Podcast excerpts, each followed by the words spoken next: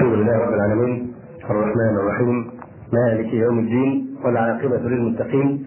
ولا عدوان إلا على الظالمين. وأشهد أن لا إله إلا الله وحده لا شريك له. وأشهد أن محمدا عبده ورسوله. اللهم صل على محمد وعلى آل محمد كما صليت على آل إبراهيم إنك حميد مجيد. اللهم بارك على محمد وعلى آل محمد كما باركت على آل إبراهيم إنك حميد مجيد.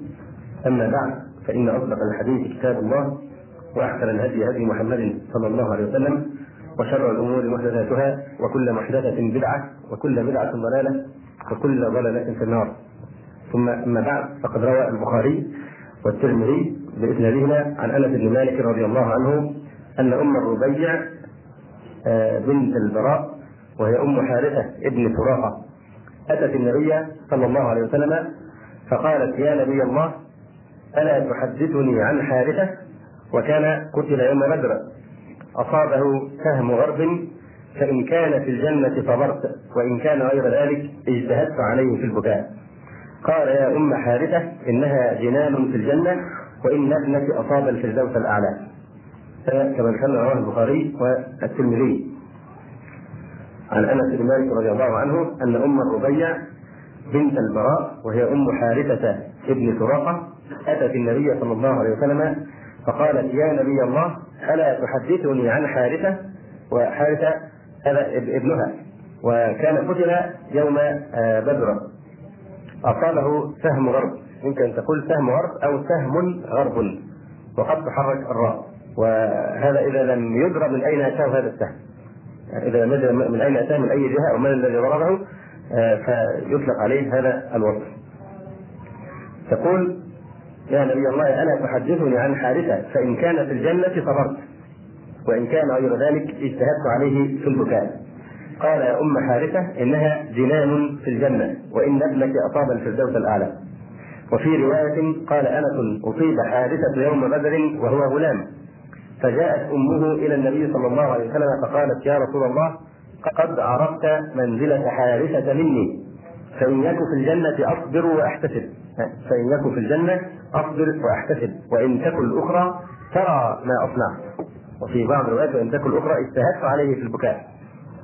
فقال ويحك ويحك أوى هبلت أو جنة واحدة هي؟ إنها جنان كثيرة وإنه في جنة الفردوس الأعلى.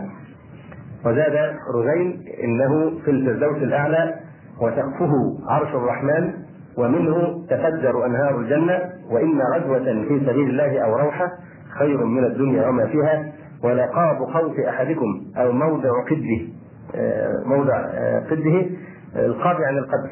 ولقاب قوسه يعني قدر أو مقياس قوس أحدكم. والقد هو الصوت يعني قدر قوسه وصوته من الجنة خير من الدنيا وما فيها. مجرد الموضع الذي يوضع فيه الصوت أو القوس خير من الدنيا وما فيها. يقول عليه الصلاة والسلام ولقاب قوس أحدكم أو موضع قده من الأرض في الجنة خير من الدنيا وما فيها ولو أن امرأة من نساء أهل الجنة اطلعت إلى الأرض لأضاءت الدنيا وما فيها ولا نصيفها يعني خمارها ولا نصيفها خير من الدنيا وما فيها. فهذا الحديث في قصه أم حارثة رضي الله عنها الشاهد منه الذي يتعلق بموضوعنا اليوم. قولها رضي الله عنها ألا تحدثني عن جارية عن حارثة فإن كان في الجنة صبرت. فإن كان في الجنة صبرت. وفي الرواية الأخرى فإن يكن في الجنة أصبر وأحتسب. فهذه الأم مع تعلقها الشديد بابنها وولدها لكنها إن كان هذا في سبيل الله فإنها تصبر وتحتسب وترجو الأجر عند الله تبارك وتعالى. تقول وإن كان غير ذلك اجتهدت عليه في البكاء. وفي الرواية الأخرى وإن تكن الأخرى ترى ما أصنع. يعني من البكاء والحزن الشديد عليه. إذا يشتد حزنها ووجهها إذا علمت أن يعني ابنها لم يفز بالجنة. فإن كان قد فاز بالشهادة وانتقل إلى ما هو خير من الدنيا وخير منها تصبر وتحتسب ولا تجزع ولا تحزن ولا يكن شيء مما ذكرته. فهذه هي يعني التربية النبوية وتربية الإسلام للنساء فضلا عن الرجال. فإن هذه الأمة كما ذكرنا أمة ولود. تلد لأن لها يعني رسالة في الحياة لا تنفك عنها ابدا ألا وهي ذروة سلام هذا الدين وهو الجهاد في سبيل الله تبارك وتعالى. فلعل بمثل هذه الأم ونظائرها كثيرات جدا في التاريخ الإسلامي لعل يعني هذا هو السبب الذي جعل أعداء الإسلام يخافون هذا الدين. وهم يفقهون جيدا طبيعة هذه الرسالة وطبيعة هذا الدين. أنه إذا عادت روح الإسلام من جديد في هؤلاء المسلمين فلن تقف أمامهم قوة في الأرض فهم يعلمون يعني جيدا ما الذي يمكن أن تثمره التربية الإسلامية والفهم الإسلامي الصحيح لرسالة هذه الأمة في الوجود من مصاعب تزلزل وتهدد كيانهم. إذا قلبنا أيضا صفحات التاريخ الإسلامي نجد نماذج كثيرة جدا سواء للنساء أو حتى صدرت من أطفال من أطفال المسلمين من أطفال الصحابة. رضي الله تبارك وتعالى عنهم. فهناك علاقة وثيقة بين ما شرعنا في دراسته من قضية تحديد النسل والترغيب في أن تكون الأمة كلها ولودا لا امرأة واحدة. وبين يعني رسالة هذه الأمة وهي الجهاد والبذل في سبيل الله تبارك وتعالى. وما صور إلينا من أن من الترغيب فيما يضاد المقاصد العليا للشريعة الإسلامية إنما هي يعني مظهر من مظاهر المؤامرة المحكمة على عقائدنا وعلى ديننا وعلى أمتنا. نذكر بعض النماذج اليسيرة في يعني كضعيف الكلام اليوم إن شاء الله تتعلق ببعض النماذج أيضا حتى من الأطفال المسلمين فنذكر يعني بعض النموذج يحضرنا من العصر الحديث حينما يعني حينما جاءت إلى مصر الحملة الفرنسية وتصدى لها المسلمون من منطلق الجهاد في سبيل الله تبارك وتعالى. من هذه الأمثلة أن هناك فتى صغيرا من الصعيد تسلل ورحل إلى الشمال في القاهرة حيث كان هذا الفتى يتسلل بمفرده كل ليلة إلى معسكر الفرنسيين فيدخل مخزن الأسلحة ويستولي على بنادق الفرنسيين ويعود سابحا في الترعة إلى أهله ليتسلحوا بها في مقاومة الفرنسيين. وعندما اكتشف الفرنسيون النقص في الأسلحة صدرت الأوامر من القادة الفرنسيين إلى الحراس بالترصد للمتسللين. فلقد ظن الفرنسيون أن الذي يقوم بعملية السطو على الأسلحة من مخازنهم عصابة هائلة. فاذا بهم يفاجؤون بهذا الصبي وحده يصنع هذه العمليات. فانقضوا عليه يحاولون القبض عليه. فحاول هذا البطل الصغير ظل يقاومهم حتى انكسرت ذراعه. حتى انكسرت ذراعه. ولم يستطع الحركة بعد ذلك فقبضوا عليه وحملوه إلى قائد الحملة وكان يدعى ديزي أو ديزيه. فلما رآه أخذ القائد ودهش من شجاعته وبطولته. فعرض عليه أن يتبناه. أن يتخذه يعني ابنا له أن يتبناه. فرفض وقال له لأنك كافر انظر وضوح القضية في حس هذا الصبي الصغير فتى صغير لكن يعرف طبيعة العلاقة بيننا وبين هؤلاء الكفار. فرفض لأنه كافر فعرض عليه أن يعود. لأنه دهش وذهل لقائد الفرنسي من شجاعته وبسالته فعرض عليه أن يطلقه ويعني يتركه لكن على أن يعده بألا يعود إلى سرقه السلاح. فرفض أن يعده بذلك ما دام الكفار باقين في بلاد المسلمين رفض الصبي أن يعده بذلك وكان يمكن يقول اعد هو أو بعد ذلك أخرج لكن انظر كيف كان يربى على مبدا الصدق والشجاعه في مواجهه الباطل فيعني رفض أن يعده بذلك ما دام الكفار باقين في البلاد فلم يجد القائد الفرنسي مصرا لإطلاق سراحه على أن تشدد الحراسه على السلاح. هذا نموذج من هذه النماذج. فأعداء الإسلام حينما يخططون ومن مخططاتهم الترويج لهذه الفكرة الخبيثة فكرة تقليل النسل المسلم فهذا مظهر من مظاهر هذه المؤامره لأنهم يدركون كثيرا من الحقائق يوجد وللأسف كثير من المسلمين لا يعوها ولا يعرفوها. فهم يعرفون جيدا أن الإسلام هو الجدار الوحيد في وجه الاستعمار الأوروبي. يعني حتى مهما ظهر الأمر بخلاف ذلك لكن هذه حقيقه العلاقه بيننا وبين الغرب وبين الكفار. هذه هي الحقيقة. كثير من المغفلين والسذج والبسطاء لا يصلون اليها لا يشاءوا ان هي الحقيقة. يعني في بعض في أثناء الحرب الأخيرة التي حصلت في الخليج صدر بعض التصريحات أحيانا وربما كانوا يعني يمارسون هذه الأمور بحرية في الخارج أكثر من هنا. وقام يعني بعض الاجهزه الإعلام الغربية في بريطانيا مثلا بتصوير أجزاء من الصواريخ التي كانت تقع على العراق وعلى بغداد. بعض هذه الصواريخ كان الجنود الذين أتوا لينقذوا المسلمين من أيدي المسلمين في الظهر كان هذه بعض هذه الصواريخ يكتب عليها آه، بعض العبارات مثل مثلا إلى صدام آه، اسأل الله أو ادعو الله فإن لم يستجب لك الله فالتجأ إلى يسوع. مثلا في آه، صاروخ آخر يقول العبارة وهذا معلن ومعروف يعني في القرن من أبناء موسى إلى أبناء محمد. واضح؟ فهذه الروح الصليبيه الحقيقة ما زالت؟ ونحن ننسى يعني ندعو بابا روم هذا بابا الكاثوليك حينما يعني آه، خرج عن وداعته التي يتكلفها ولم يستطع أن يكتب هذه العبارة وأن يقول هذه حرب مقدسة هذه حرب عادلة. واضح؟ وانحيازه آه، أيضا لهذا الأمر وبشاشته لما حصل في هذه المحنة. الشاهد أن هذه حقيقه يعني آه، نواياهم. و يعني يقول مثلا لورنس براون المعروف بنشاطه الجاسوسي لبريطانيا في وسط العرب هنا يقول إن الإسلام هو الجدار الوحيد في وجه الاستعمار الأوروبي. والحاكم الفرنسي في الجزائر في ذكرى مرور 100 سنة على استعمار الجزائر قال إننا لن ننتصر على الجزائريين ما داموا يقرؤون ويتكلمون العربية، ما داموا يقرؤون القرآن يعني ويتكلمون العربية فيجب أن نزيل القرآن العربي من وجودهم ونقتلع اللسان العربي من ألسنتهم. آه، أيضا آه، جلادستون رئيس وزراء بريطانيا الأسبق كان يقول بصراحة شديده يقول ما دام هذا القرآن موجودا في أيدي المسلمين فلن تستطيع أوروبا السيطرة على الشرق أو أن تكون هي في أمان. نعم. حتى آه، يعني قوى الشر العالمية كالدول الشيوعية فتقول بعض هذه الجوائز الشيوعية في أوزبكستان يقول المحرر أو المحرر في الحرف الواحد من المستحيل تثبيت الشيوعية قبل سحق الإسلام نهائيا. والحمد لله قد سحقهم الله واذقهم باس العظم. آه، يقول أيضا أحد المنصرين إن القوة الكامنة في الإسلام هي التي وقفت سدا منيعا في وجه انتشار المسيحية وهي التي اخضعت البلاد التي كانت خاضعة للنصرانية. وقال اشعيا بومن أيضا من هؤلاء المبشرين بالنار قال لم يتفق قط أن شعبا مسيحيا دخل في الإسلام ثم عاد نصرانيا. هذا هذا مصداق ما قاله النبي أو ما يعني ما أجاب به هرقل حينما كان يستوصف أو يستعلم عن صفات النبي. صلى الله عليه وسلم قال سأل عن اتباعه هل يزيدون أم ينقصون؟ قال بل يزيدون قال أبو سفيان بل يزيدون قال يعني قال وكذلك الحق أو وكذلك الإيمان حين تخالط بشاشته القلوب. فهنا فرق بنفس هذه العبارة.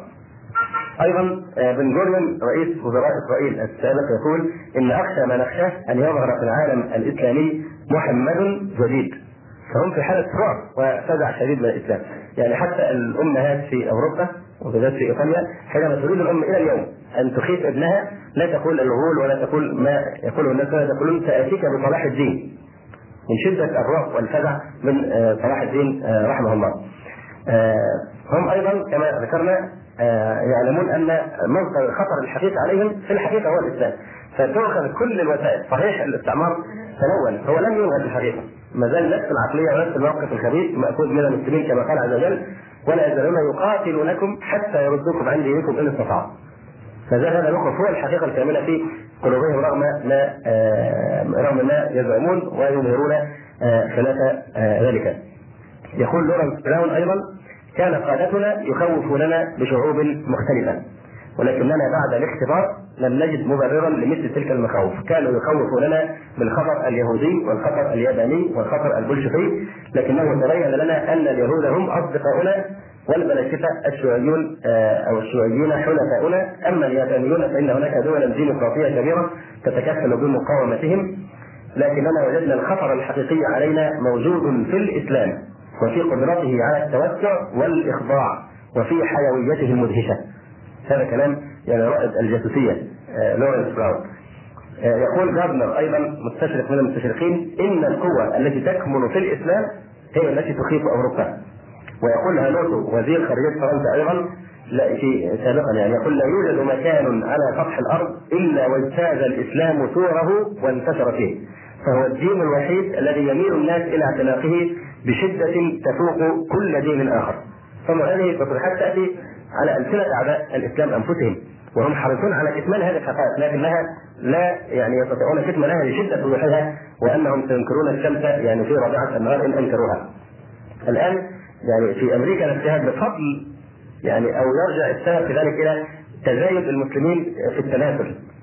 آه الآن المسلمون في أمريكا كما تذكر الإحصائيات الرسمية أن بعد إن شاء الله يعني أقل من 30 سنة فيزداد عدد المسلمين آه، زيادة هائله بحيث يشكلون الدين الثاني في أمريكا بعد الاديان الكاثوليكية. وإن شئت قلت الدين الأول لأن في الحقيقة الكاثوليك ليسوا كاثوليك في أمريكا ما عندهم دين لا دين لهم على الإطلاق. واضح؟ فالمقصود يعني أن آه، يعني أن بعد 30 سنة هذا هو المقدر يعني لأن معدل زيادة النسل الإسلامي في هناك آه، يشكل إيه امرا يعني ملفتا للنظر فبعد 30 سنة الآن يعني ثاني طائفة دينية بعد الكاثوليكية هي اليهود آه، فبعد 30 سنة بسبب معدل زيادة المسلمين في التناسل سيكون هم الفئة الثانية في آه، أمريكا آه، والله أعلم. كذلك يعني في فرنسا الآن الإسلام يرى فرنسا في داخلها حتى يعني إن الآن في الانتخابات وهذه الأشياء يعني يحاولون مداعبة عواطف الفرنسيين عن طريق التلميح إلى فكرة فرض أو تخلص أو تقليل وجود المسلمين أو غير الفرنسيين بعبارة مقنعة في داخل فرنسا. حتى إن بعض الناس يذكرون من مناقب ديجول ديجول رئيس فرنسا المعروف آه، يذكرون إنه من مناقبه أنه حرر الجزائر أنه أعطى الجزائر استقلالها. وفي الحقيقة الناس لا يفطنون إلى السبب الحقيقي وراء آه، هذا التصرف من ديجول ديجول يعني في الجمعية الوطنية الفرنسية آه، قال لهم لما كان هناك أناس يعارضون فكرة استقلال الجزائر لأن فرنسا كانت تنادي ان إيه؟ الجزائر جزء لا حق تاريخي فرنسا في الجزائر ولا وهي جزء لا يتجزأ من فرنسا. فماذا فعل ديجول؟ ديجول شجع استقلال الجزائر واضطر أن يصارح أعضاء الجمعيه الوطنيه بالسبب ذلك فقال أتعرفون أن آه، الجزائر فيها كذا مليون مسلم وإذا صار هؤلاء مواطنين آه، فرنسيين فبالتالي أتقبلون في يوم من الأيام آه، أن يصبح مثلا ثلث أو ذكر نسبة معينة توازي نسبة شعب الجزائر ثلث مثلا هذا الجمعية الوطنيه من المسلمين هنا اجتمعت كلمتهم على أن نعم باستقلال الجزائر. لماذا لما ذكرهم بهذا المعنى؟ نعم.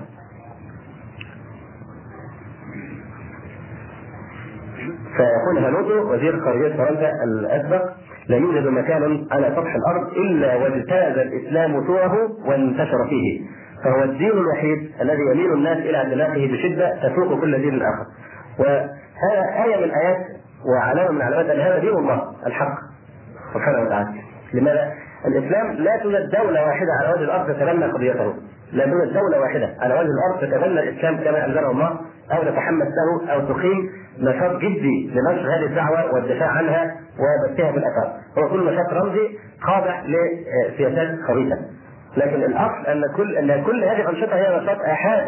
من الدعاء المسلمين أو آه، الشباب الإسلامي في شتى بقاع الأرض في داخل بلاد المسلمين أو في ثم إن أصحاب هذا الدين في بلادهم يحاربون وينكل بهم أشد التنكيل حتى جاء اليوم الذي يعني آه، يحصل فيه إن الناس تقسم إلى إسلاميين وغير إسلاميين. الصراحة غريب جدا. نلاحظه من كثير من الناس يقولون يعني آه، فعل الإسلاميون في الجزائر كذا والإسلاميون في الجزائر ينادون بكذا. لماذا لا تقولون مسلمين؟ لماذا تقول إسلاميين؟ يعني معناها إن في المسلمين ينقسمون إلى فئتين. فئة لا تريد اعزاز الدين ولا شأن لها بالدين آه وهؤلاء من عموم المسلمين وفئه أخرى اسمها الإسلاميون الذين لهم اتجاه لنصرة الدين والجهاد في سبيله والدعوة إليه والبذل في سبيله وكذا فهذه فئة خبيثة. كل مسلمين وكل كفار. لا تقل يعني آه، إسلاميين وغير آه، إسلاميين. ثم يقرن بهم التشدد والتصرف ويحصل الطعن الصريح في دين الله تبارك وتعالى نهار وصباح في وسائل الإعلام وغيرها. فالحقيقة نحن الآن أصبحنا غرقى في بحر من المؤامرات على يعني هذا آه، الدين آه، من داخل بلاد المسلمين قبل أن يكون من آه، خارجها. مصداق قول بعض الناس يعني خرج الإنجليز الحمر وبقي الإنجليز السمر. فهي في الحقيقة يعني نواب الاستعمار من العساكر والحرارية هم الذين يحكمون ويقهرون بلاد المسلمين اليوم ليكونوا خداما ومخلصين لأغراض هذا آه، العدو آه، الكافر. يقول البرم شادور آه، يقول أيضا من يدري؟ يعني هو يتكلم بموقف الخائف من الإسلام. يقول من يدري؟ ربما يعود ربما يعود اليوم الذي تصبح فيه بلاد الغرب مهددة بالمسلمين. يهبطون إلينا من السماء مرة أخرى وفي الوقت المناسب.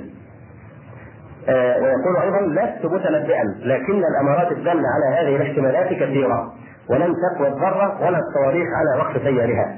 إن المسلم هذا كلام البرم شادور الكافر يقول إن المسلم قد استيقظ وأخذ يصرخ ها أنا ذا إنني لم أمت ولن أقبل بعد اليوم أن أكون أداة تسيرها العواصم الكبرى ومخابرتها. فهذا أيضا تصريح من آه، يعني على لسان آه، واحد من قوى هذه آه، الشرور يعني. زار أيضا يقول إن الخطر الحقيقي على حضارتنا هو الذي يمكن أن يحدثه المسلمين أو المسلمون حين يغيرون نظام العالم فلما سأل أحد الصحفيون هذا الرجل لكن المسلمين مشغولون بخلافاتهم ونزاعاتهم أجابه أخشى أن يخرج منهم من يوجه خلافاتهم إلينا. أيضا يقول آه، مسؤول في وزارة الخارجية الفرنسية سنة 52 يقول ليست الشيوعية خطرا على أوروبا فيما يبدو لي أن الخطر الحقيقي الذي يهددنا تهديدا مباشرا وعنيفا هو الخطر الإسلامي. يقول فالمسلمون عالم مستقل كل الاستقلال عن عالمنا الغربي فهم يملكون تراثهم الروحي الخاص بهم ويتمتعون بحضارة تاريخية ذات أصالة فهم جديرون أن يقيموا قواعد عالم جديد دون حاجة إلى اذابه شخصيتهم الحضارية والروحية في الحضارة الغربية.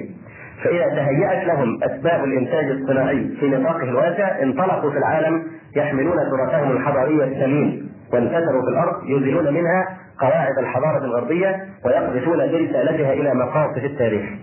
وقد حاولنا نحن الفرنسيين خلال حكمنا الطويل للجزائر أن نتغلب على شخصية الشعب المسلم فكان الإخفاق الكامل رغم مجهوداتنا الكبيرة الضخمة. يقول سلازار إن العالم الإسلامي أملاك مقيد أملاك لم يكتشف نفسه حتى الآن اكتشافا تاما فهو حائر وهو قلق وهو كاره لانحطاطه وتخلفه وراغب رغبة يخالطها الكسل آه، والعوض في مستقبل أحسن وحرية آه، اوفر فلنعطي هذا العالم الإسلامي ما يشاء ولنقوي في نفسه الرغبة في عدم الإنتاج الصناعي والفني حتى لا ينهض.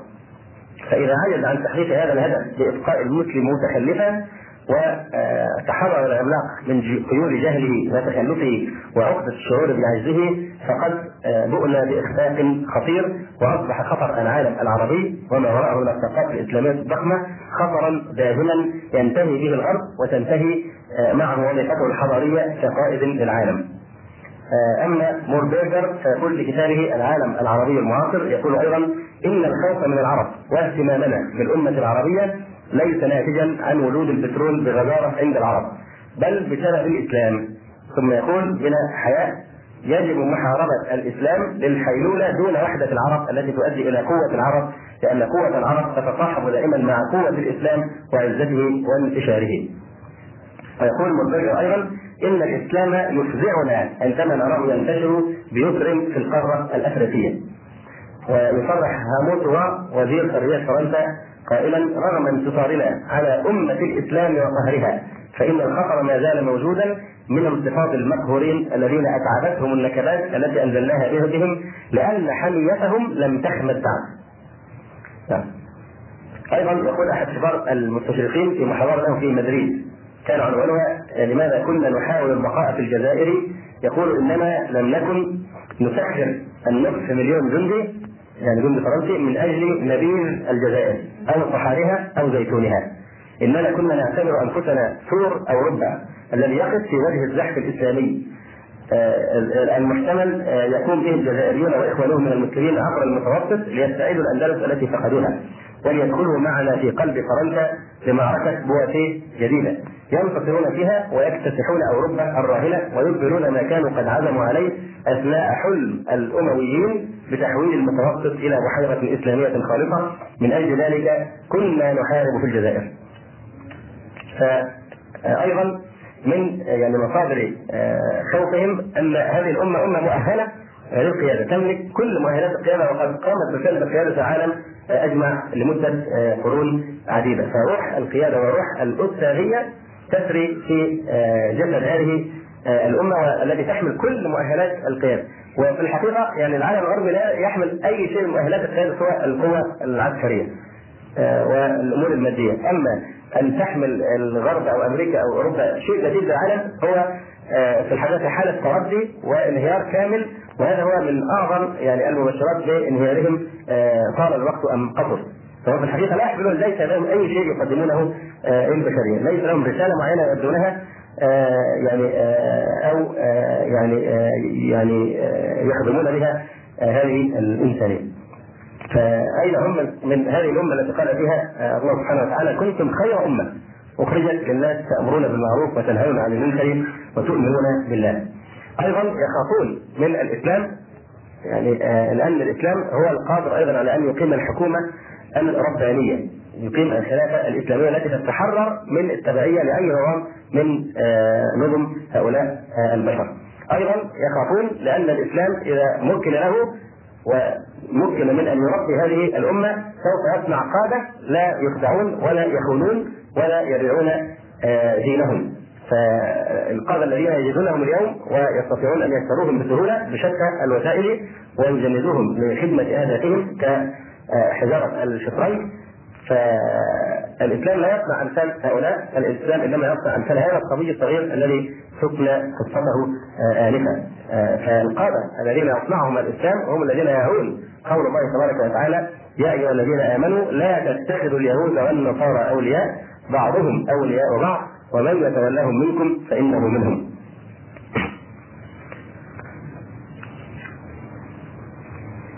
أيضا آه، يخافون من الإسلام لأن الإسلام سوف يربي آه، هذه الأمة آه، ويربي شعبا ولاؤه لله تبارك وتعالى وحده. ولا يخافون إلا الله عز وجل. شعوبا محصنة ضد كل وسائل الغزو. والمؤامرات الفكرية والشهوانية. ولا يمكن أن تعطي الأمة زمامها لهؤلاء إذا ربيت على الإسلام. فترفض أن تسلم قيادها وتعطي ولاءها لغير الله ورسوله والمؤمنين. لا مكان عندهم لأفكارهم الضالة ولا لبضاعتهم آه، آه، يعني الفاسده ولا لعملائهم آه، الخونة. فمن أجل ذلك يخافون ويشتد رعبهم وهلعهم من منهج الإسلام وعودة الإسلام ويستخدمون أحط الأساليب في التنفيذ عن دين الله تبارك وتعالى. يعني بغض النظر عما عن قضيه دخول البرلمانات وهذه الأشياء لكن ما في شك إن من فوائد التجربة التي ياخذها الجزائر الآن أنها تفضح هؤلاء العساكر والحرامية الذين يحكمون بلاد المسلمين. ثم الشيخ الشاذلي بن جديد يعني مثل الفأر الذي احتار كيف يصنع كيف يخرج من هذه المسيرة آه، وامر البطش حتى انه يستعمل قوانين الطوارئ ثم يخرج الجيوش ويطلق النيران.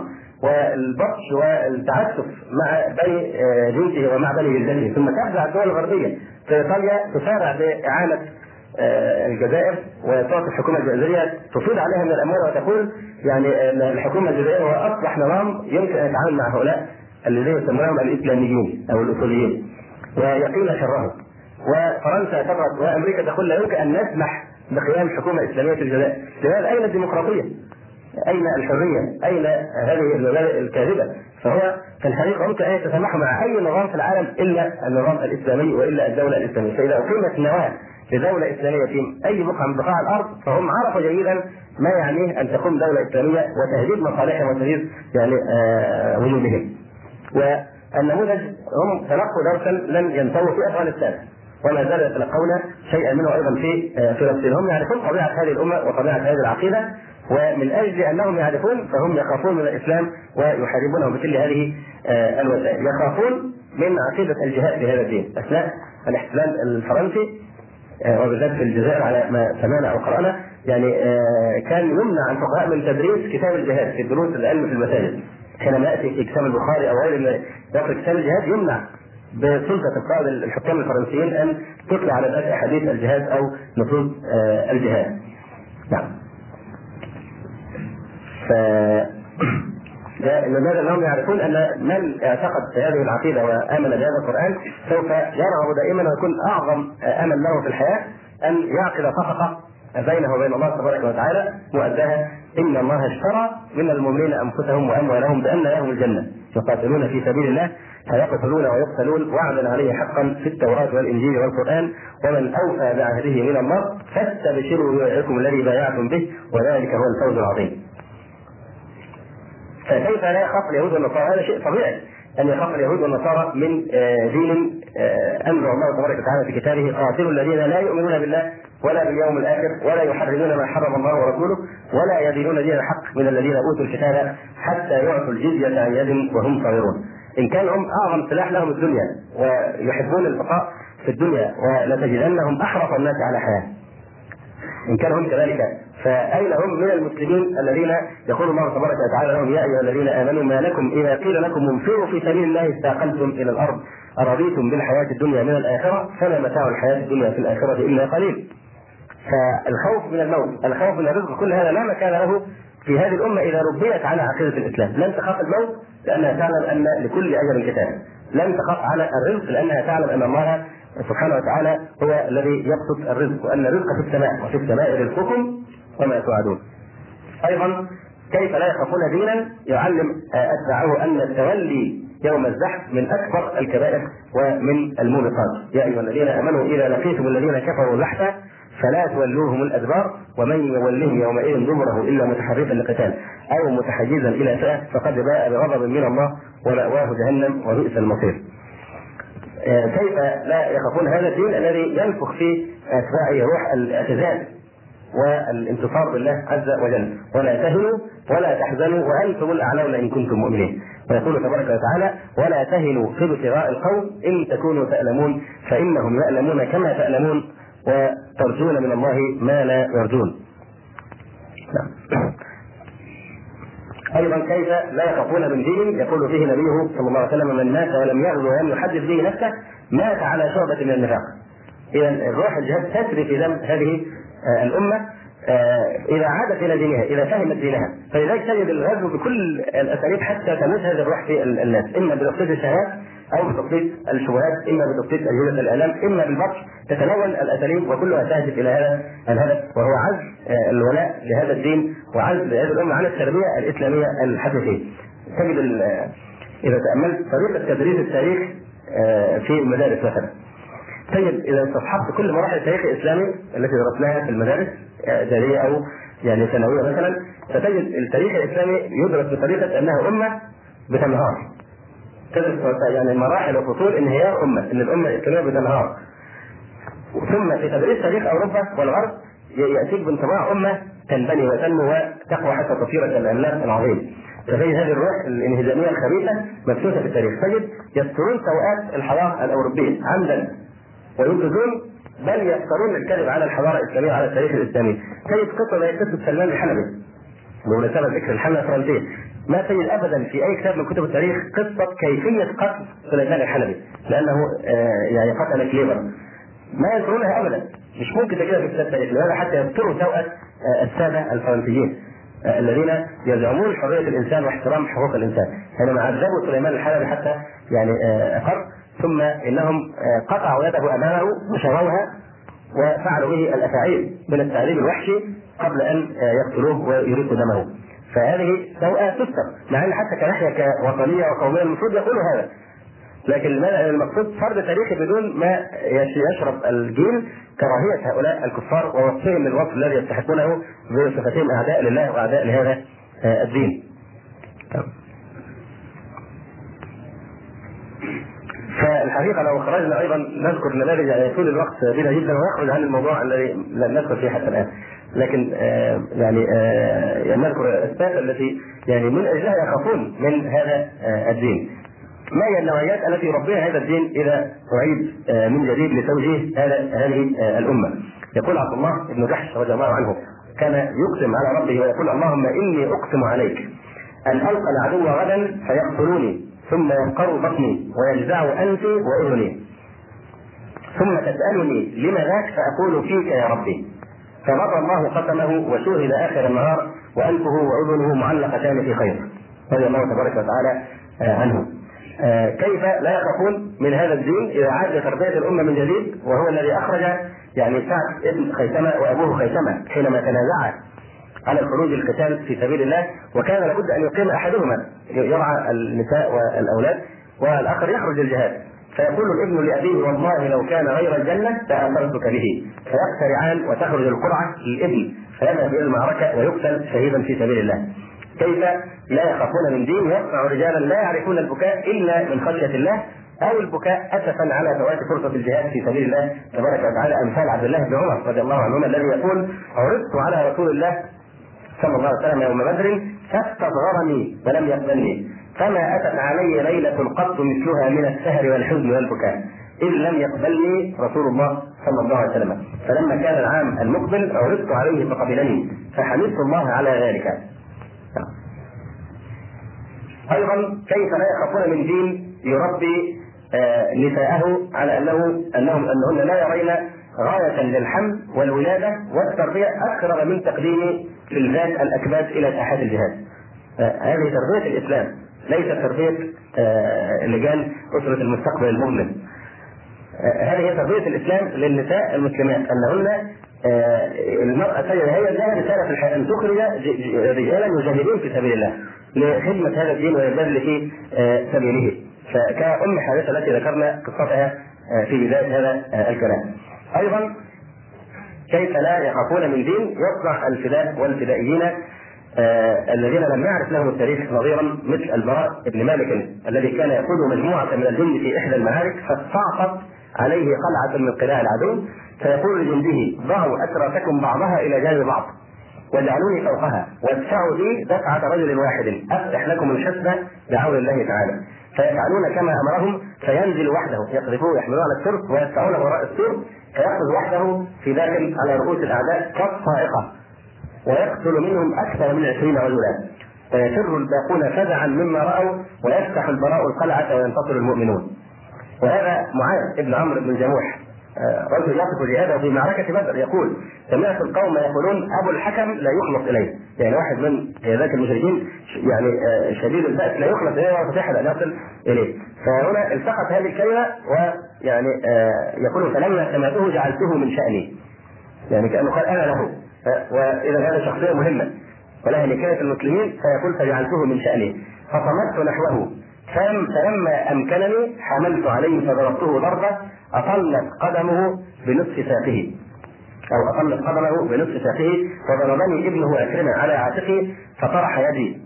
فطرح يدي ابنه انتقل في الحال فطرح يده قطع آه، يده فتعلقت بجلده من جنبي.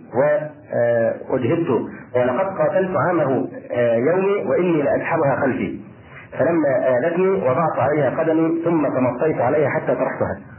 ظلت كده معلقة؟ وهو يتركها إلى أن اذته ما استطاع أن يتحرك فداس عليها وقطع آه، يعني يده. كيف؟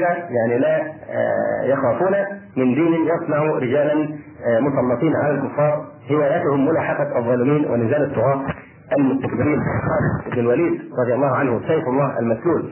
ف يعني من أجل هذا وغيره كثير مما لا يستطيع المقام لنصه هم يخافون من الاسلام هذه هي الحقيقة التي تعمى عن أعيننا وتحجب عنا حتى لا ندرك. هذه الحقيقة يعني الموقعه آه، أنهم يخافون من الإسلام لأجل أنه يهدد ما هم آه، عليه. وقف جلادستون وزير بريطانيا أو وزراء بريطانيا أو رئيس وزراء بريطانيا الأسبق في أواخر القرن الماضي في مجلس العموم البريطاني وأمسك بيمينه القرآن المجيد وصاح في أعضاء البرلمان قائلا إن العقبة الكؤود أمام استقرارنا بمستعمرتنا في بلاد المسلمين هي شيئان ولا بد من القضاء عليهما مهما كلفنا الأمر. أولهما هذا الكتاب وسكت قليلا ثم أشار بيده اليسرى نحو الشرق وقال وهذه الكعبة. وقال أيضا ما دام هذا القرآن موجودا في أيدي المسلمين فلن تستطيع أوروبا السيطرة على الشرق أو تكون هي نفسها في أمان. أيضا هناك مستشرق فرنسي يدعى كيمون يسمى كتاب باثولوجيا الإسلام.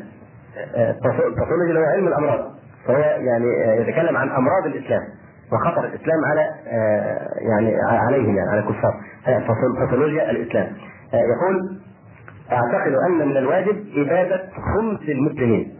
الآن البديل بدل الاباده هم يوجدون أنفسهم بانفسهم ينتحرون انتحارا جماعيا عن طريق تحديد النسل يقول أعتقد أن من الواجب إبادة خمس خمس المسلمين والحكم على الباقين بالأغلال الشاقة.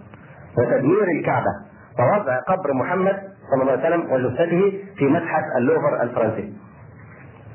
فيعني آه آه الإبادة طبعا موجودة ومعروفة يعني فالشيوعيون مثلا أبادوا خلال ربع قرن من الزمان 26 مليون في الصين 26 مليون مسلم ابيدوا في الصين خلال ربع سنه يعني معدل مليون كل سنة. وكذلك كان معروف في روسيا حينما أبادت الثورة الشيوعية أيضا ملايين المسلمين تحت جنازير الدبابات.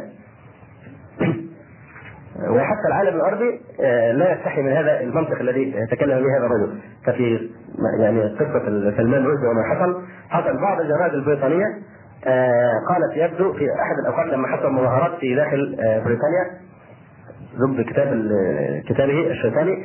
فيعني صح بعض الناس في بريطانيا الانجليز وقالوا يعني قالوا إن إنه يبدو بايقاف المسلمين البريطانيين اللي مش الذي لا يعجبه نظام هذه البلد فليغادرها ولا يأخذ فيها ولا يمكث فيها.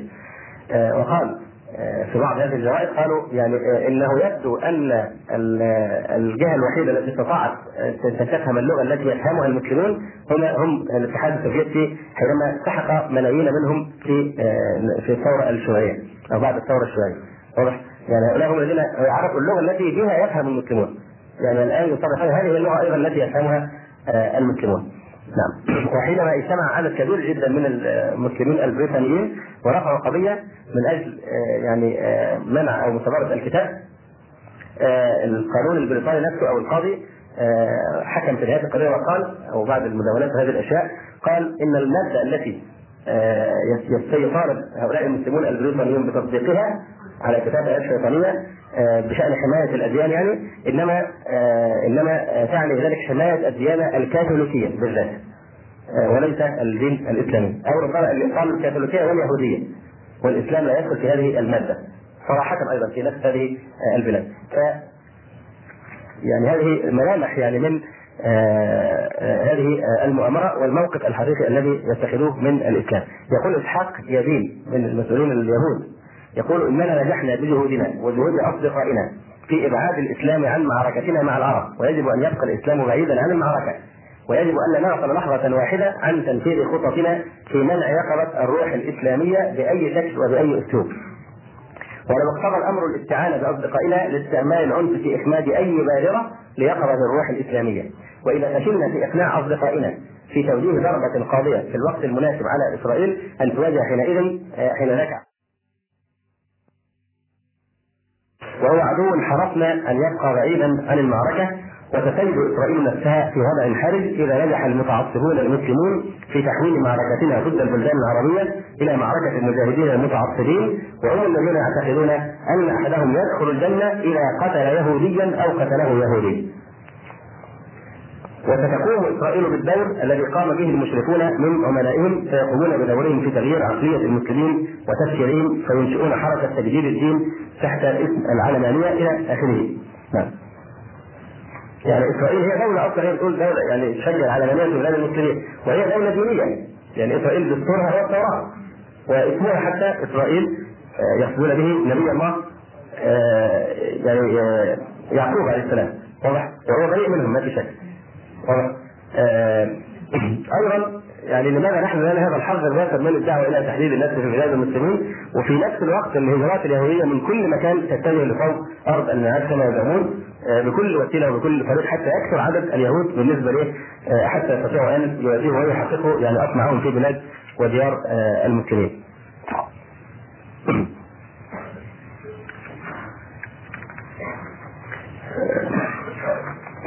هذه بعض يعني فصول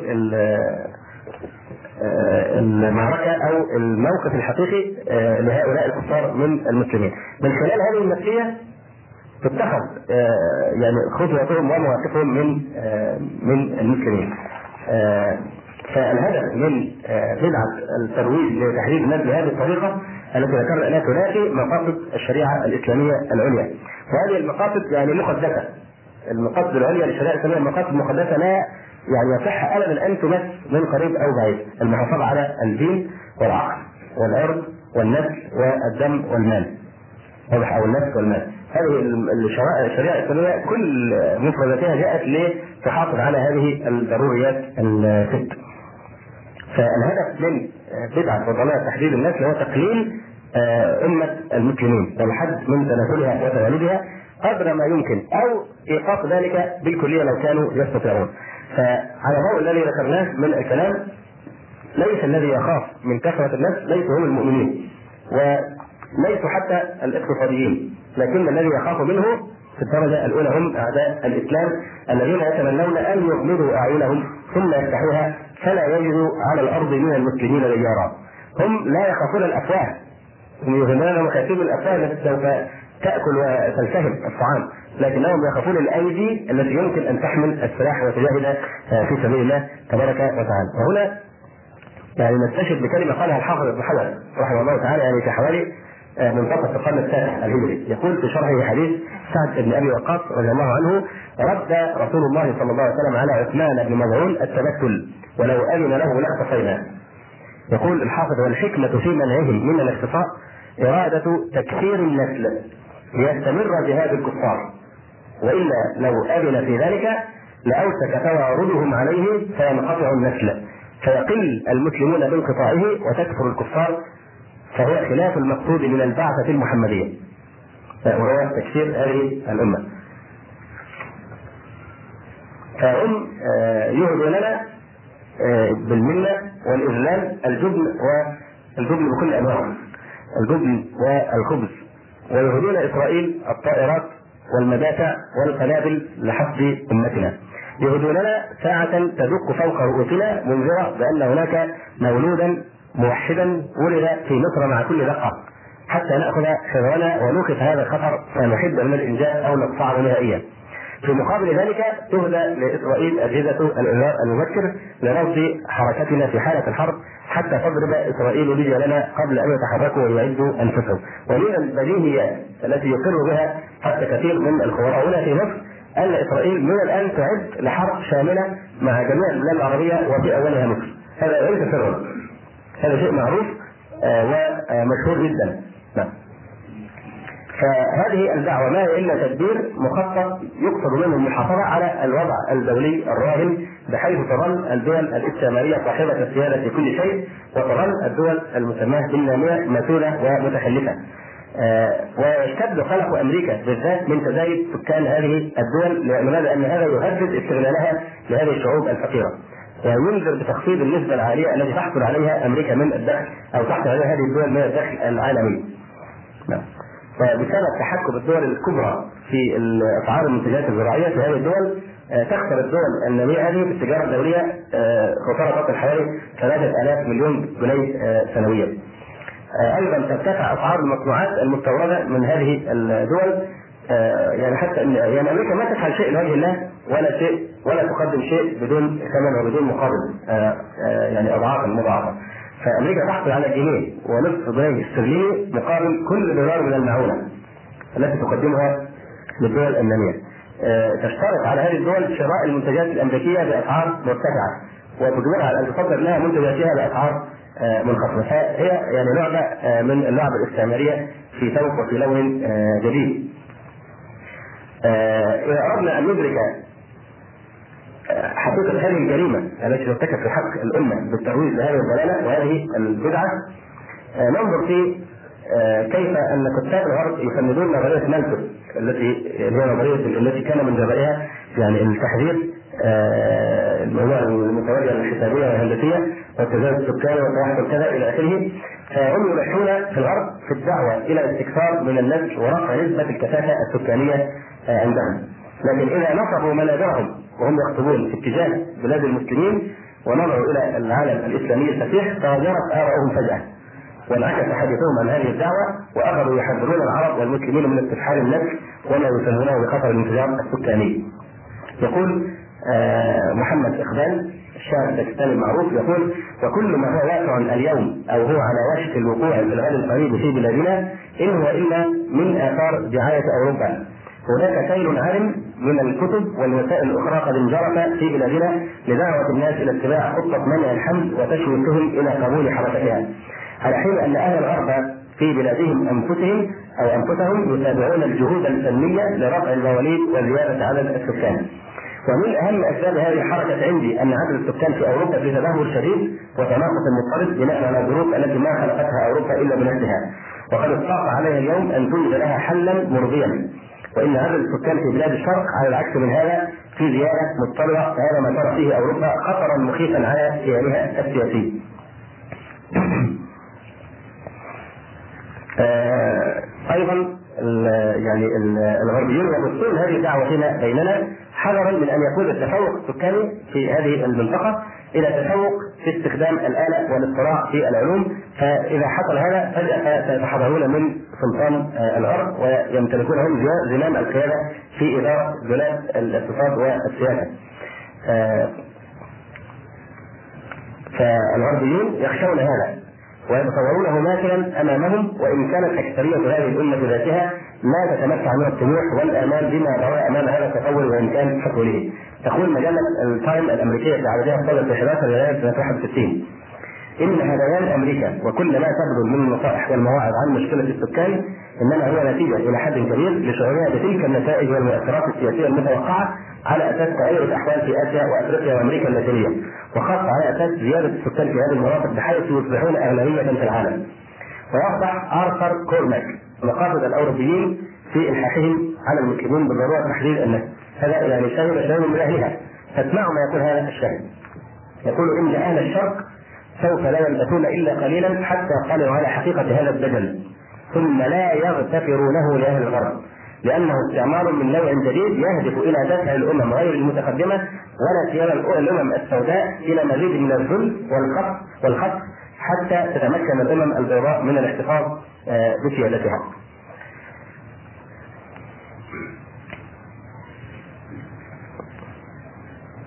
فهم في الغرب لم يروا حتى الآن مثل هذه الخطط الموضوعة لنا للحد من التزايد السكاني بل على العكس يشجعون الاكثار من النسل آه ومن أجل ذلك لا ينكرون العلاقات غير الشرعية آه التي تثمر الألوف من أبناء الحرام. آه في الوقت الذي تعلق فيه السلطات الرسمية في أمريكا أن الأسرة الأمريكية تواجه أزمة من أشد الأزمات وهي ارتفاع نسبة المواليد بشكل يهدد الحياة الاقتصادية في البلاد في نفس هذا الوقت أعلن الرئيس الأمريكي الاسبق أيزنهاور في مؤتمر الثاني المنعقد في ديسمبر سنة 59 قال إن حكومته لن تفكر في تحديد النسل في أمريكا ما دام هو في البيت الأبيض.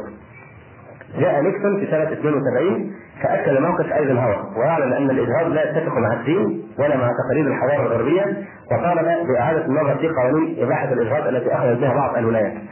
أما روسيا السوفيتيه التي وصلت تعدادها حاليا إلى 250 مليون في روسيا فترى أنها في حاجة ماسه إلى آه، مزيد من النسل لأنها في حاجة إلى مزيد من القوى البشرية والأيدي العاملة والإنتاج حتى تستطيع أن تحتفظ بالتوازن بينها وبين الدول المجاوره لها.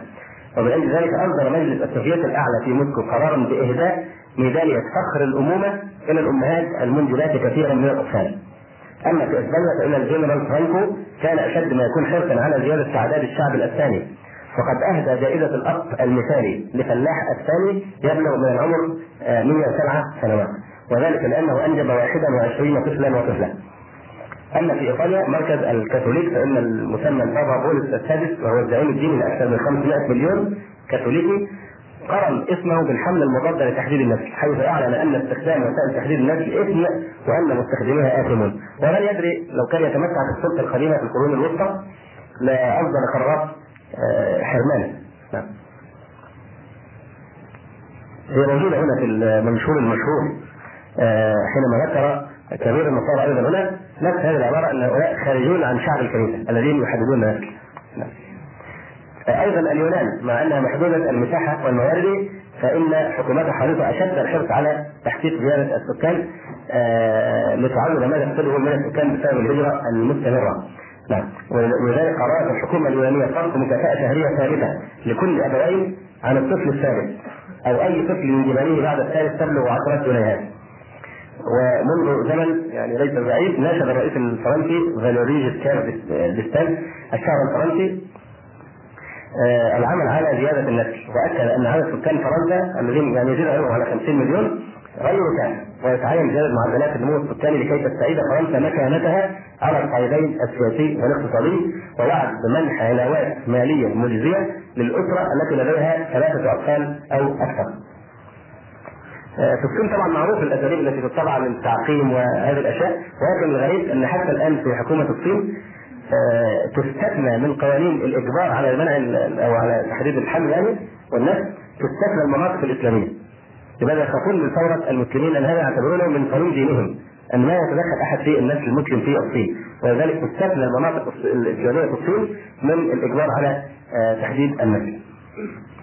أيضا يقول الفريد بونيه وهو كاتب استعماري داعي إلى تحديد النسل يقول إن مصر أكثر بلاد الشرق الأوسط ازدحاما بالسكان بل أكثر بلاد العالم أجمع وهي لذلك تواجه مشاكل قل أن توجد في غيرها من البلاد في مثل هذه الخطورة والتعقيد. وطبعا الكلام على هذا اشرنا إلى بعض آه، منه ويعني آه، ذكرنا من قبل أن يعني آه، حوالي 96.5% يعني حوالي 97% من عدد السكان في مصر يتركزون في مساحه 3.5% من الجمهورية.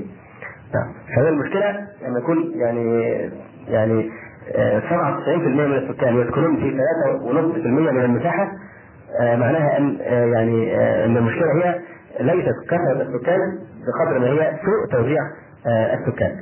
المساحات المزروعة في مصر لا تزيد على نصف المساحة الصالحة للزراعة. بل إن قسما غير يسير من الصحراء لأن مصر 97% من الصحراء. نعم.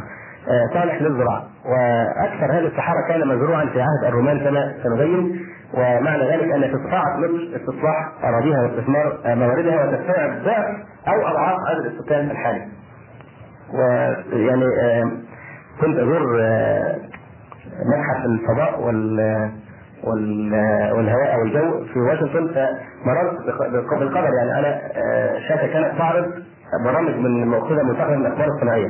فكان الرجل يعني يتكلم عن مصر ويقول بالحرف الواحد إن مصر ويصورون المياه الجوفية من تحت الأرض وموجودة على الشاشة.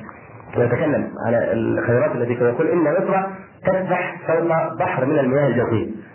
يعني مشيرا إلى هذا الكنز الموجود في باطن الأرض في مصر. وجاءت النشرة الأمريكية للشؤون الخارجية سنة 57 فقد 29 وبعدها من أن الدعوة إلى تحديد النسل في مصر وسوريا تخدم التوسع الصهيوني لإسرائيل. انظر إلى آه يعني رجل باحث امريكي يسمى فير فرام يقول إن الخطر يهدد العالم إذا لم آه يوقف تزايد النسل في المستعمرات آه وإذا ثبت عدم كفاءة الوسائل الاختيارية لخفض السكان فإنه يصبح من اللازم اتباع وسائل إجبارية. فإنه يصبح من اللازم اتباع وسائل إجبارية. لم يذكر ما هي الوسائل الإجبارية التي يمكن أن يقترحها هي عمليات الإبادة التي يعني تنظم ضد الأقليات في أفريقيا وغيرها ام هي عمليات التعقيم الإجباري للرجال التي نفذتها انديرا غاندي في الهند.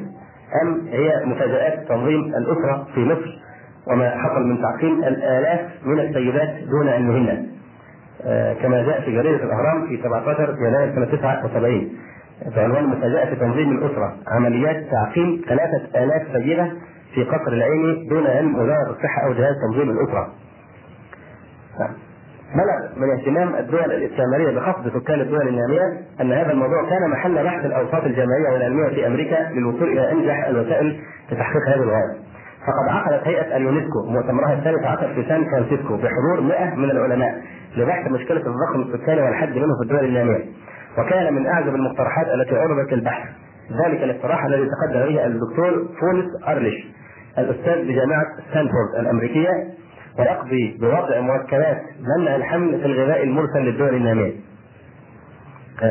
هذه الإنسانية الرحمة عندهم يقضي هذا الاقتراح بوضع مركبات منع الحمل في الغذاء المرسل للدول النامية. فلعله أيضا وراء الفراخ التي تطعم بحبوب منع الحمل والتي يأكلها الرجال. أيضا في نفس الوقت أعلن الدكتور لي دوبريدج المستشار العلمي للرئيس الأمريكي نيكسون في المؤتمر المذكور أن الاحتفاظ بالعدد الحالي لسكان العالم دون زيادة مسألة هامة وحيوية وأن الولايات المتحدة تفكر في قطع معوناتها الاقتصاديه على الدول التي لا توقف تزايد سكانها. كأن أمريكا هي يعني كأننا في زمن اليونان وأمريكا دي اله الرزق. كانت ترزق أهل الأرض سبحان الله. وقال إن استخدام مركبات منع الحمل في مياه الشرب والطعام قد يكون حلا لهذه المشكلة في الدول الناميه. لو اثير اقتراح مثل هذا في جرائدهم من انقلبت الدنيا عليه. نعم. وهناك رأي أعلنه ويليام شولكي الأستاذ بجامعة ستانفورد بشيكاغو طالب فيه صراحة بتعقيم الزنوج مقابل منحهم مكافآت مالية من جانب الحكومة. نعم. آه،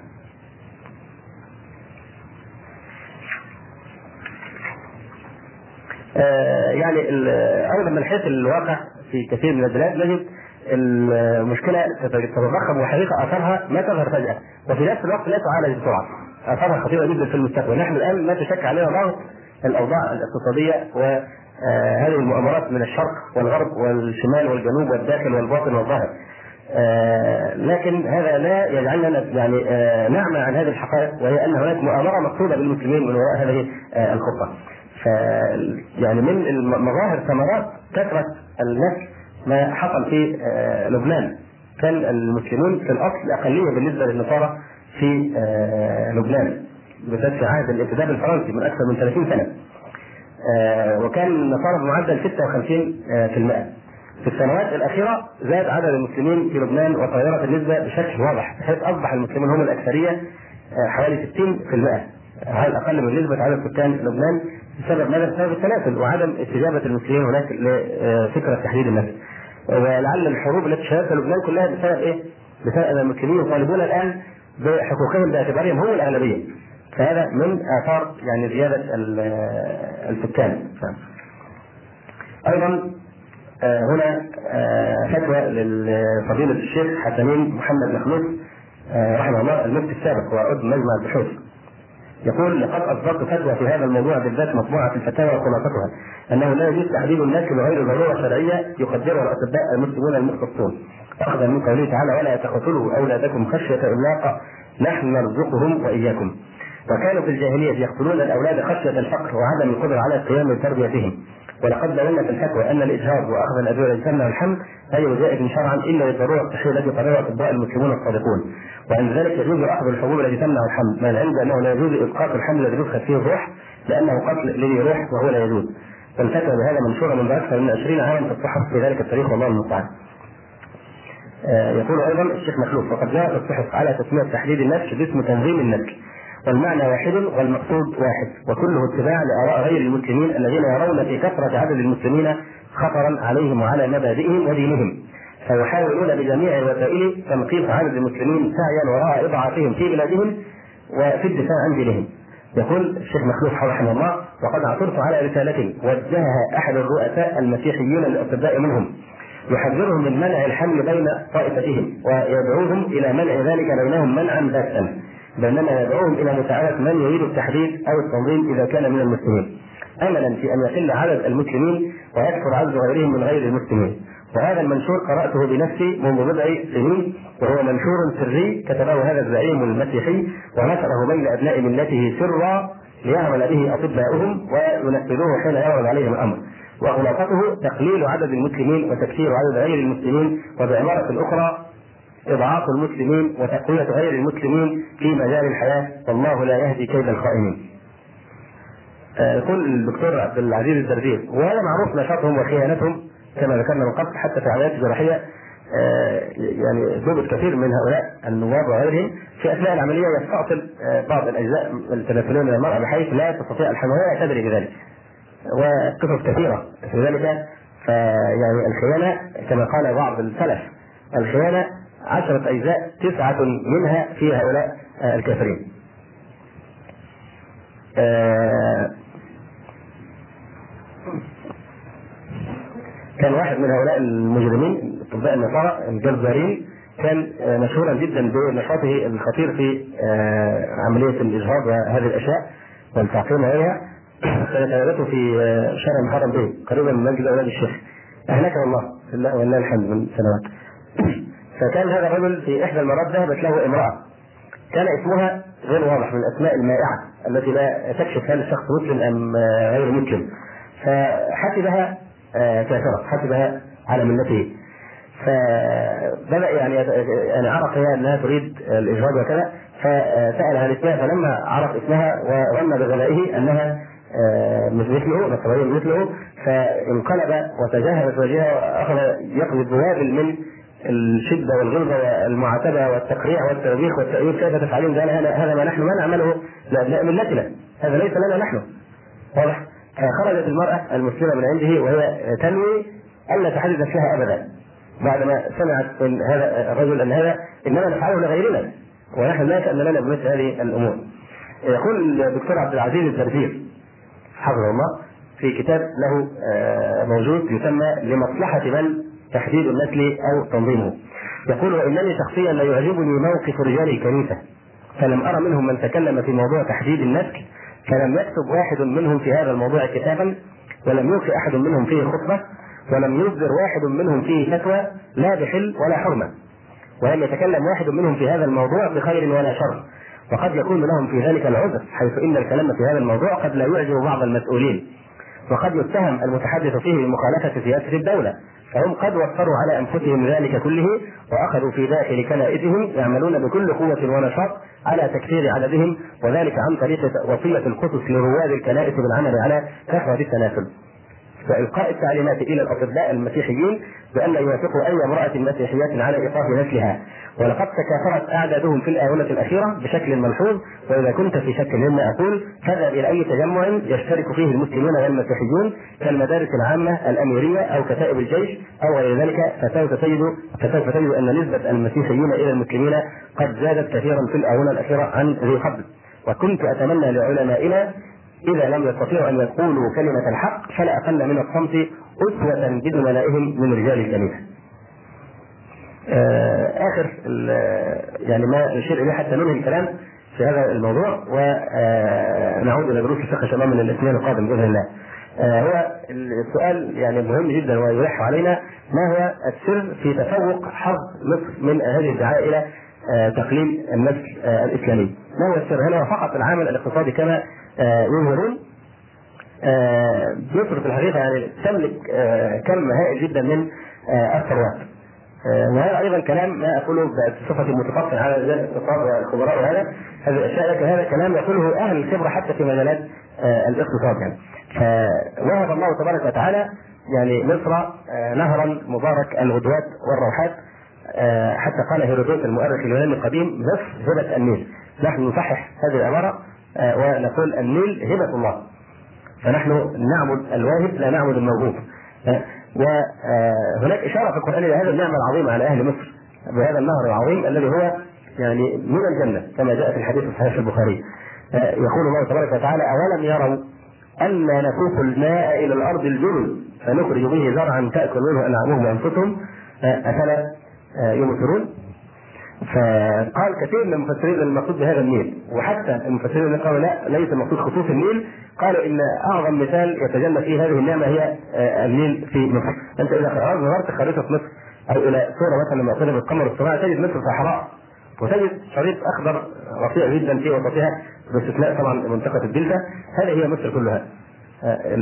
أما معرفه صحراء يعني واسعة. فكانت صحارى مصر هذه التي هي الآن صحراء بفضل يعني آه يعني زعمائنا الذين كانوا يفوت أحدهم على الصحراء فتصفر مش تخضر نعم. كانوا يمدحون عبد الناصر بهذا أنه إذا فات على الصحراء تخضر اذا رأت وجهه فالمقصود يعني إن هذه الصحراء آه كانت منذ أكثر من 2000 سنة أكثر من 2000 سنة كانت مصر وكانت هذه الصحراء كلها مخزنا للحبوب بما يكفي الإمبراطورية الرومانية. وقال علي بن أبي طالب إن محمد بن أبي بكر حينما وجهه إلى مصر يقول له إني وجهتك إلى فردوس الدنيا. وقال عمرو بن العاص لعمرو لعمر بن الخطاب رضي الله عنهما يا أمير المؤمنين ائذن لي أن أسير إلى مصر. وقال إنك إن ضممتها إليك كانت قوة للمسلمين وعونا لهم وهي أكثر وهي أكثر الأرض أموالا. ويحدثنا التاريخ لأن لا بأس أن نعيش في ذكريات الماضي تخفف علينا وقع الحاضر. يعني يقول التاريخ إن مصر كانت على جانبي النيل مدنا متقاربه كأنها مدينة واحدة والبساتين خلف المدن متصلة كأنها بستان واحد والمزارع من خلف البساتين. حتى قيل إن الكتاب كان يصل من الإسكندرية إلى أسوان في يوم واحد يتناوله قيم البستان من واحد إلى واحد. ويحدثنا التاريخ أيضا أن المرأة على جانبي النيل كانت تخرج حافرة لا تحتاج إلى خمار لكثرة الأشجار. وأنها كانت تضع على رأسها المكتل فيمتلئ بالثمر من كثرة ما يتساقط من الشجر. والقرآن الكريم لا تسمى مصر آه سماها مصرا ومدينة كما قال عز وجل اهبطوا مصرا فإن لكم ما سألتم.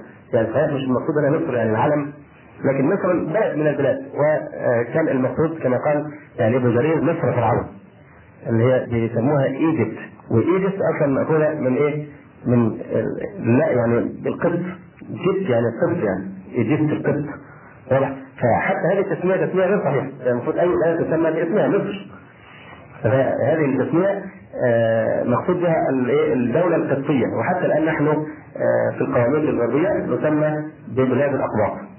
كيبتوس أو ايجيبت آه، وقال ادخلوا مصر إن شاء الله آمنين. وقال عز وجل ودخل المدينة على حين غفلة من أهلها. المقصود بالمدينة مصر.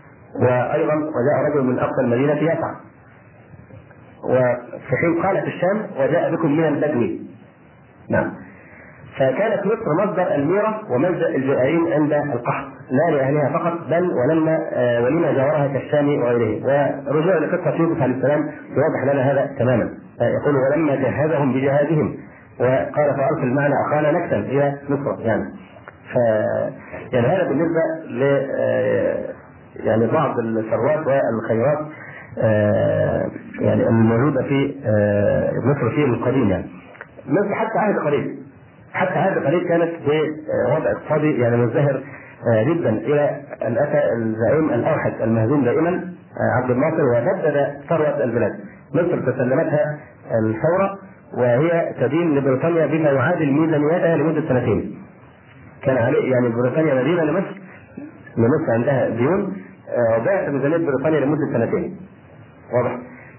فالذي حصل كما آه، يعني آه، وقع في تاريخ الفترة فترة فاطمة بن ناصر آه، ومن تلاه فبدد مصر عبد الناصر ثروة مصر وبدد رصيدها من الذهب ورصيدها في صندوق النقد الدولي وبدأ في عهده عهد الديون واستجداء المعونات وضحت مصر بطاقة شبابها وثروتها في حروب خاسرة في الكونغو واليمن في حرب المسلمين في اليمن وفي آه، سيناء أيضا في الحروب مع آه، اليهود وحصل تعطيل قناة السويس واستيلاء اليهود على آه، سيناء. الشاهد يعني من هذه الأحوال أن بسبب هؤلاء الظالمين وصل وصلنا إلى ما وصلنا اليه بسبب الانجليز الصمر الذين أتقنوا أداء الدور الذي اجتهد فيه أيضا الإنجليز الحمر ولكن يعني الله لهم جميعا بالمرصاد. نعم.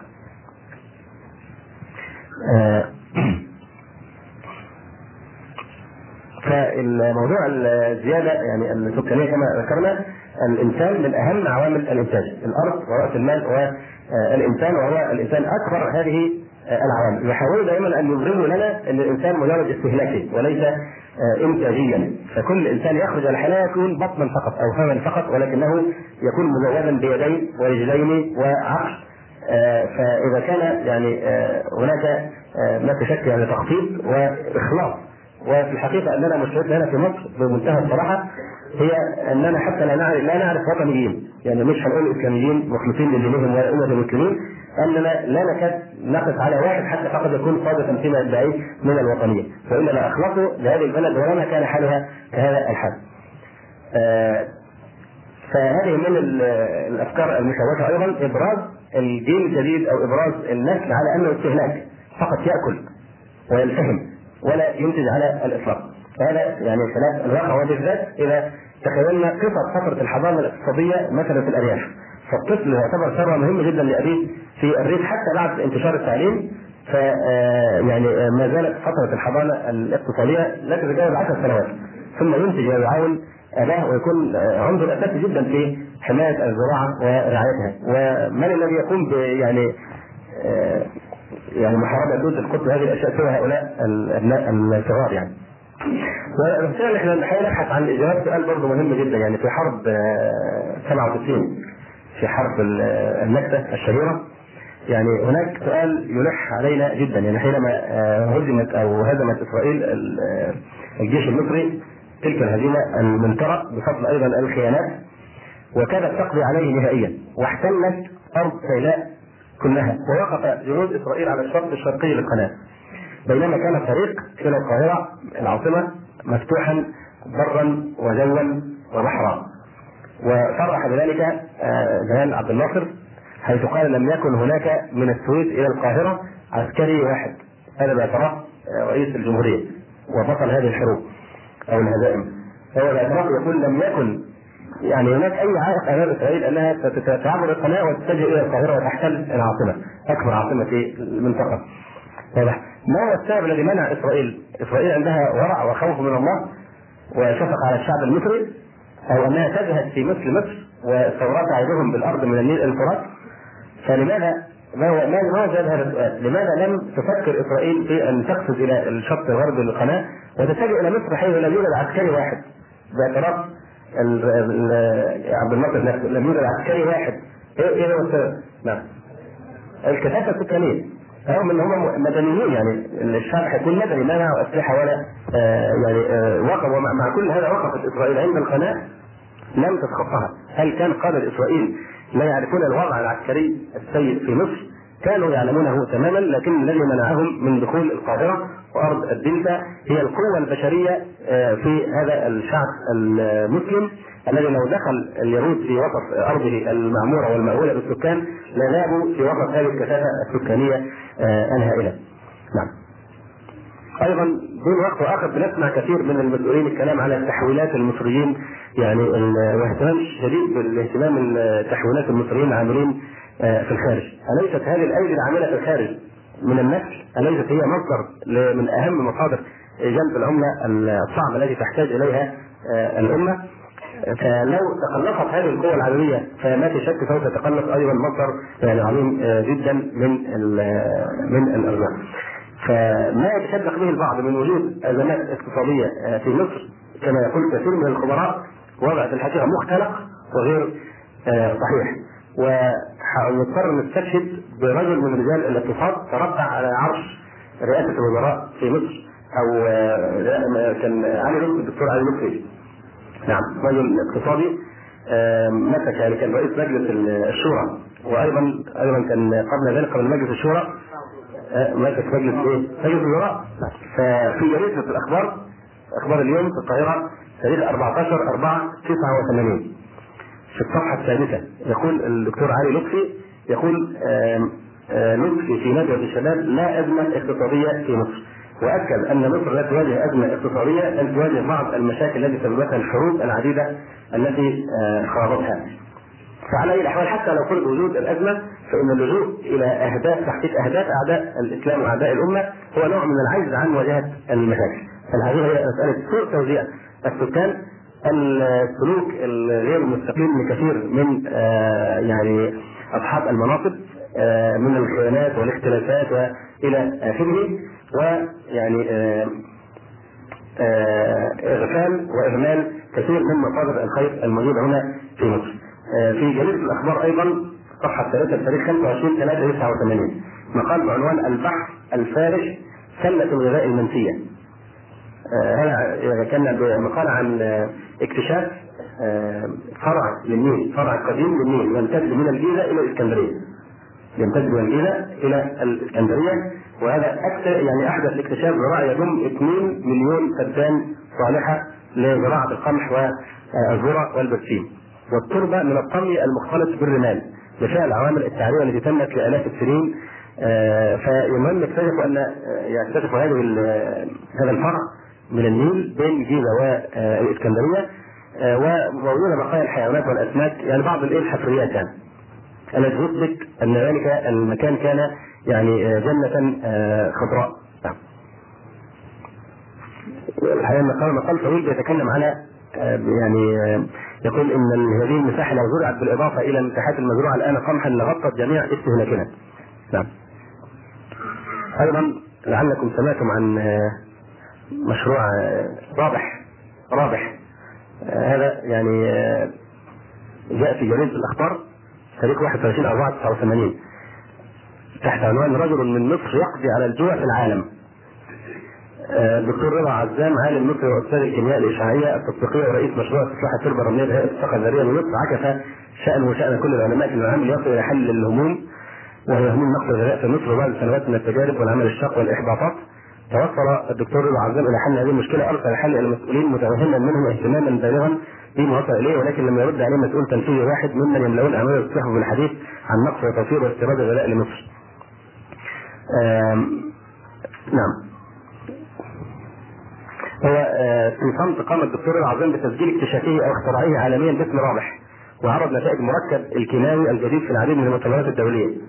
مركب كيماوي يعني لاستصلاح الأراضي وجعلها صلاح للزراعه. وعرضت هذه النتائج المركب الكيماوي الجديد في العديد من المؤتمرات الدولية، تقدمت دول كثيرة تطلب من العالم المصري حق تصنيعه، حتى إن دولة مثل زامبيا لم تتمكن من الاتصال بالعالم المصري فأرسلت إلى وزارة الخارجية المصرية تطلب منها إفادتها عن كيفية الحصول على حق تصنيع هذا المركب. فتحركت كل دول العالم تطلب الاكتشاف الجديد إلا مصر. استضافت الكويت آه، الدكتور رضا عزام حيث ألقى محاضرة هامة عن السلاح الجديد وطلب تصنيعه في الكويت. عرضت مؤسسة التكنولوجيا الإشعاعية الأمريكية إنتاج رابح وتسويقه في شمال أمريكا بما في ذلك منطقة الكاريبي. وطلب رئيس مجلس إدارة مركز دراسات الأراضي والكواكب الدكتور ماكسويل استخدام المركب في تثبيت الكتلان الرملية بين مصر والسودان وتشاد. طالبت اليونان بتصنيع رابح لاستصلاح جزيرة بأكملها بعد أن قام الدكتور بابا نيكولاو بتجربته في أرض الجزيرة وقامت الأمم المتحدة بتوثيق الدراسات الخاصة بالمركب المصري رابح ضمن البرنامج العالمي الآلي لمقاومة التآكل بالرياح التابع لبرنامج البيئة. فما هو هذا المركب الذي تتحدث عنه الدول العربية والعالم ولا تعرف عنه مصر شيئا. المركب المصري آه، رابح قادر على تغيير تركيب التربة الرملية والصلبة بشكل يحقق بها عناصر النمو الزراعي ويحولها إلى أرض الخضراء خلال فترة قصيرة نسبيا. ويعمل على تماسك حبيبات الأراضي الرملية ويزيد من خصوبتها وإنتاجيتها.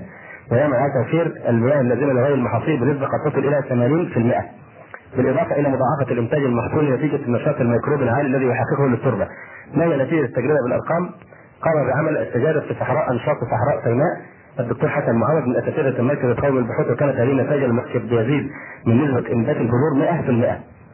انتج الفدان الواحد من الأرض الصحراوية بعد معالجته بالمركب المصري الرابح 19 ارتدا من القمح في حين أن إنتاج الفدان في الأرض الصحراوية ثلاثة أراضي. آه فالحقيقة يعني مثل هذه الأشياء لا ندري ما السبب الحقيقي وراء أنها توأد في مهدها وتوضع العراقيل في آه، كل ما من شأنه أن يخرج الناس من هذه الازمات، نفس أمريكا التي تعطي الدول هذه القمح تشترط عليها الا تزرع هي القمح. لماذا؟ ما هو السبب؟ حتى تتحكم آه، في قوتها وفي آه، اتجاهاتها. فيعني هذا ما تيسر والحقيقة كان كان المفروض افضل من هذا لكن هذا ما تيسر بالنسبة لهذه القضية التي لم نعطي حقها من قبل من الدراسة والتفصيل آه، والتي آه، تثبت أن يعني هذه الفكرة فكرة آه، يعني مضاده للإسلام وفكره لا يجوز بحال الأحوال أن تزين ولا أن تدعى الأمة لها دعوة عامة اللهم إلا في حالات فردية استثنائيه لأسباب اشرنا اليها أقول قولي هذا وأستغفر الله ولكم.